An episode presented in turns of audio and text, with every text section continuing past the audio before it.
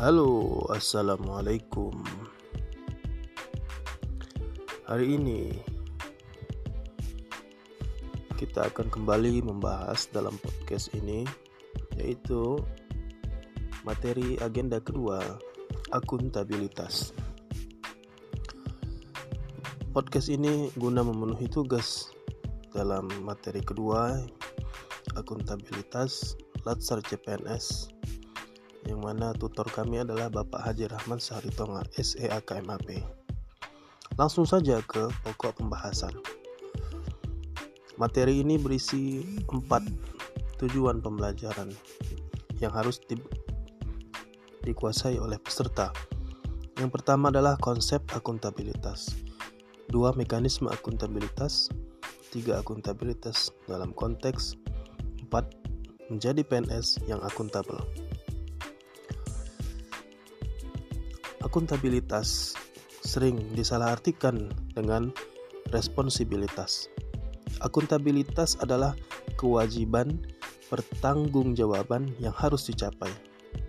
Sedangkan responsibilitas kewajiban untuk bertanggung jawab.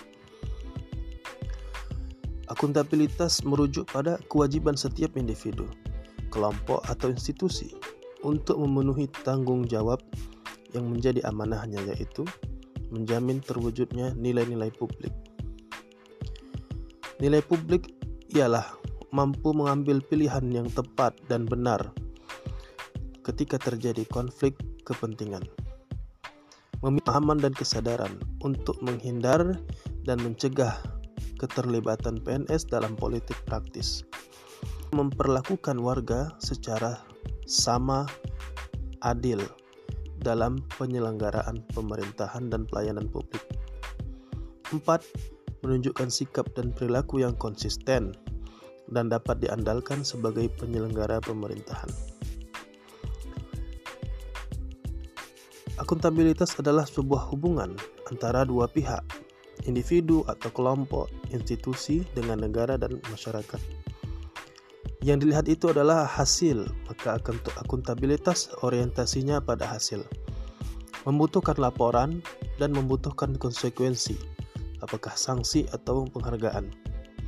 Dan tujuannya adalah memperbaiki kinerja PNS dalam melayani masyarakat.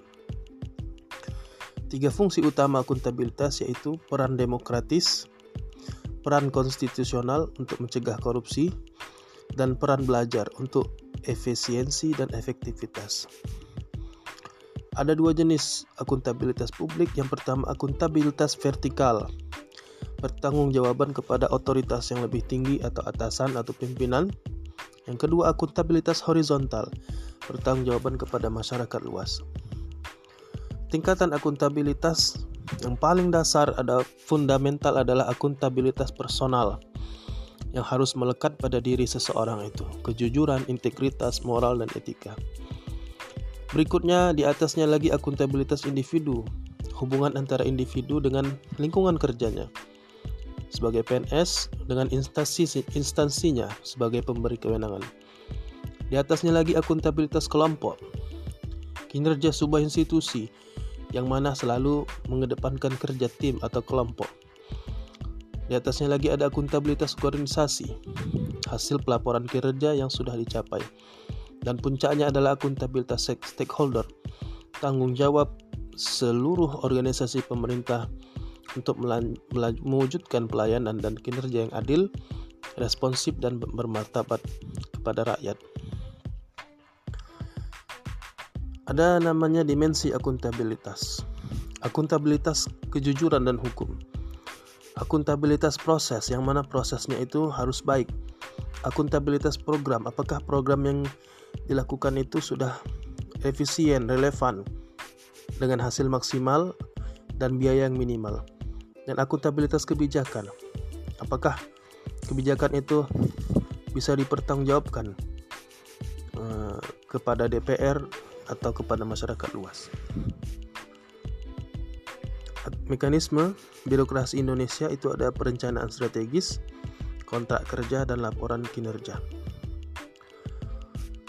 Lingkungan kerja yang akuntabel yaitu kepemimpinan, integritas, keadilan, transparansi, tanggung jawab, kepercayaan, keseimbangan, kejelasan, dan konsisten.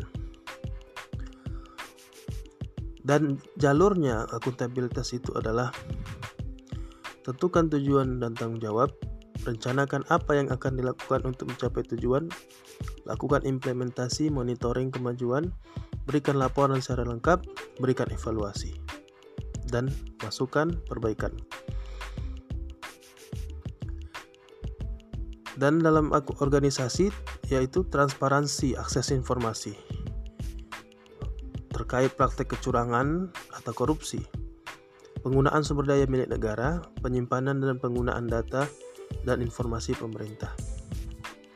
Dasarnya adalah Undang-Undang Nomor 14 Tahun 2008 tentang Keterbukaan Informasi. Informasi publik yaitu yang dihasilkan, disimpan, dikelola, dikirim, atau diterima oleh badan publik yang berkaitan dengan penyelenggara dan penyelenggaraan negara dan penyelenggaraan badan publik lainnya. Ada dua informasi publik, satu yang wajib disediakan dan diumumkan, dan dua ada informasi yang dikecualikan atau perlu dirahasiakan yang didasarkan pada undang-undang kepatutan dan kepentingan umum. Prinsip keterbukaan informasi yaitu maximum access limited exemption yaitu semua informasi pada prinsipnya terbuka. Kecuali dapat merugikan kepentingan publik, maka bisa dibatasi. Prinsip kedua adalah permintaan tidak perlu disertai alasan. Informasi harus utuh dan benar, informasi proaktif,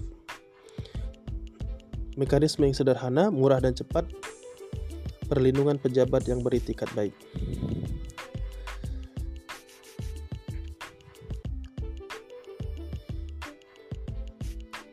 Dan berikutnya adalah konflik kepentingan. Konflik kepentingan adalah situasi yang timbul di mana tugas publik Anda dan kepentingan pribadi bertentangan. Ada yang bersifat keuangan atau non-keuangan. Dan tetap itu harus diambil keputusan yang baik yaitu mengedepankan kepentingan bangsa dan negara di atas kepentingan pribadi. Bagaimana cara menjadi PNS yang akuntabel?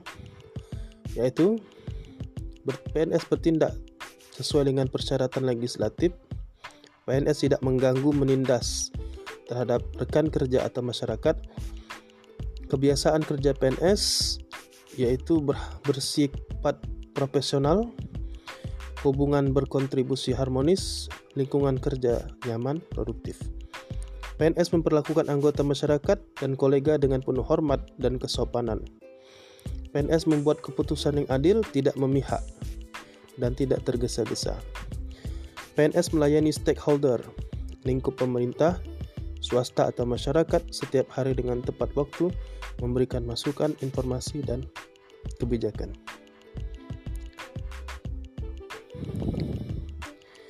Dan PNS harus menghindari perilaku curang dan koruptif. Tidak boleh terlibat, terlibat korupsi, dilarang berbuat curang, melaporkan setiap pelanggaran kode etik, PNS dilarang melakukan penipuan yang menyebabkan kerugian untuk tiap orang atau institusi, dilarang juga PNS melakukan perilaku curang korupsi, dilarang juga dan PNS diminta untuk memahami dan menerapkan akuntabilitas sektor publik. Adapun PNS yang menggunakan sumber daya milik negara ialah bertanggung jawab, digunakan dengan teliti dan efisien, berhubungan dengan pekerjaan, tidak menggunakan waktu kantor untuk pekerjaan partai politik, dan menggunakan sumber daya negara secara bertanggung jawab dan dilakukan dengan tujuan resmi dan benar-benar diperlukan secara efektif dan efisien.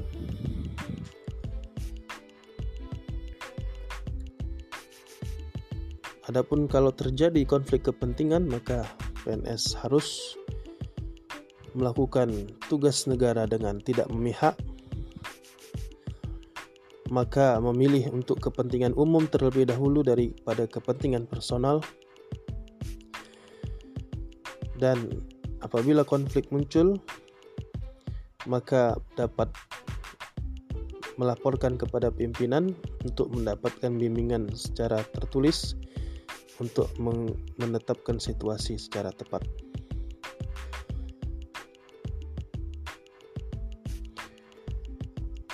Dan mengambil keputusan yang akuntabel yaitu berimbang, tidak bias, adil, akuntabel, transparan, efisien, efektif, efisien standar sektor publik sesuai dengan organisasinya dan bebas dari kepentingan publik. Kepentingan konflik kepentingan. Maka itulah bagaimana kita memahami akuntabil akuntabilitas seorang PNS dan bagaimana supaya menjadi PNS yang akuntabel. Sekian vlog dari saya. Uh, materi ini sangat penting untuk kita supaya kita menjadi PNS yang akuntabel yang bisa mempertanggungjawabkan perbuatannya dan bisa memenuhi kewajibannya. Selamat siang, assalamualaikum warahmatullahi wabarakatuh.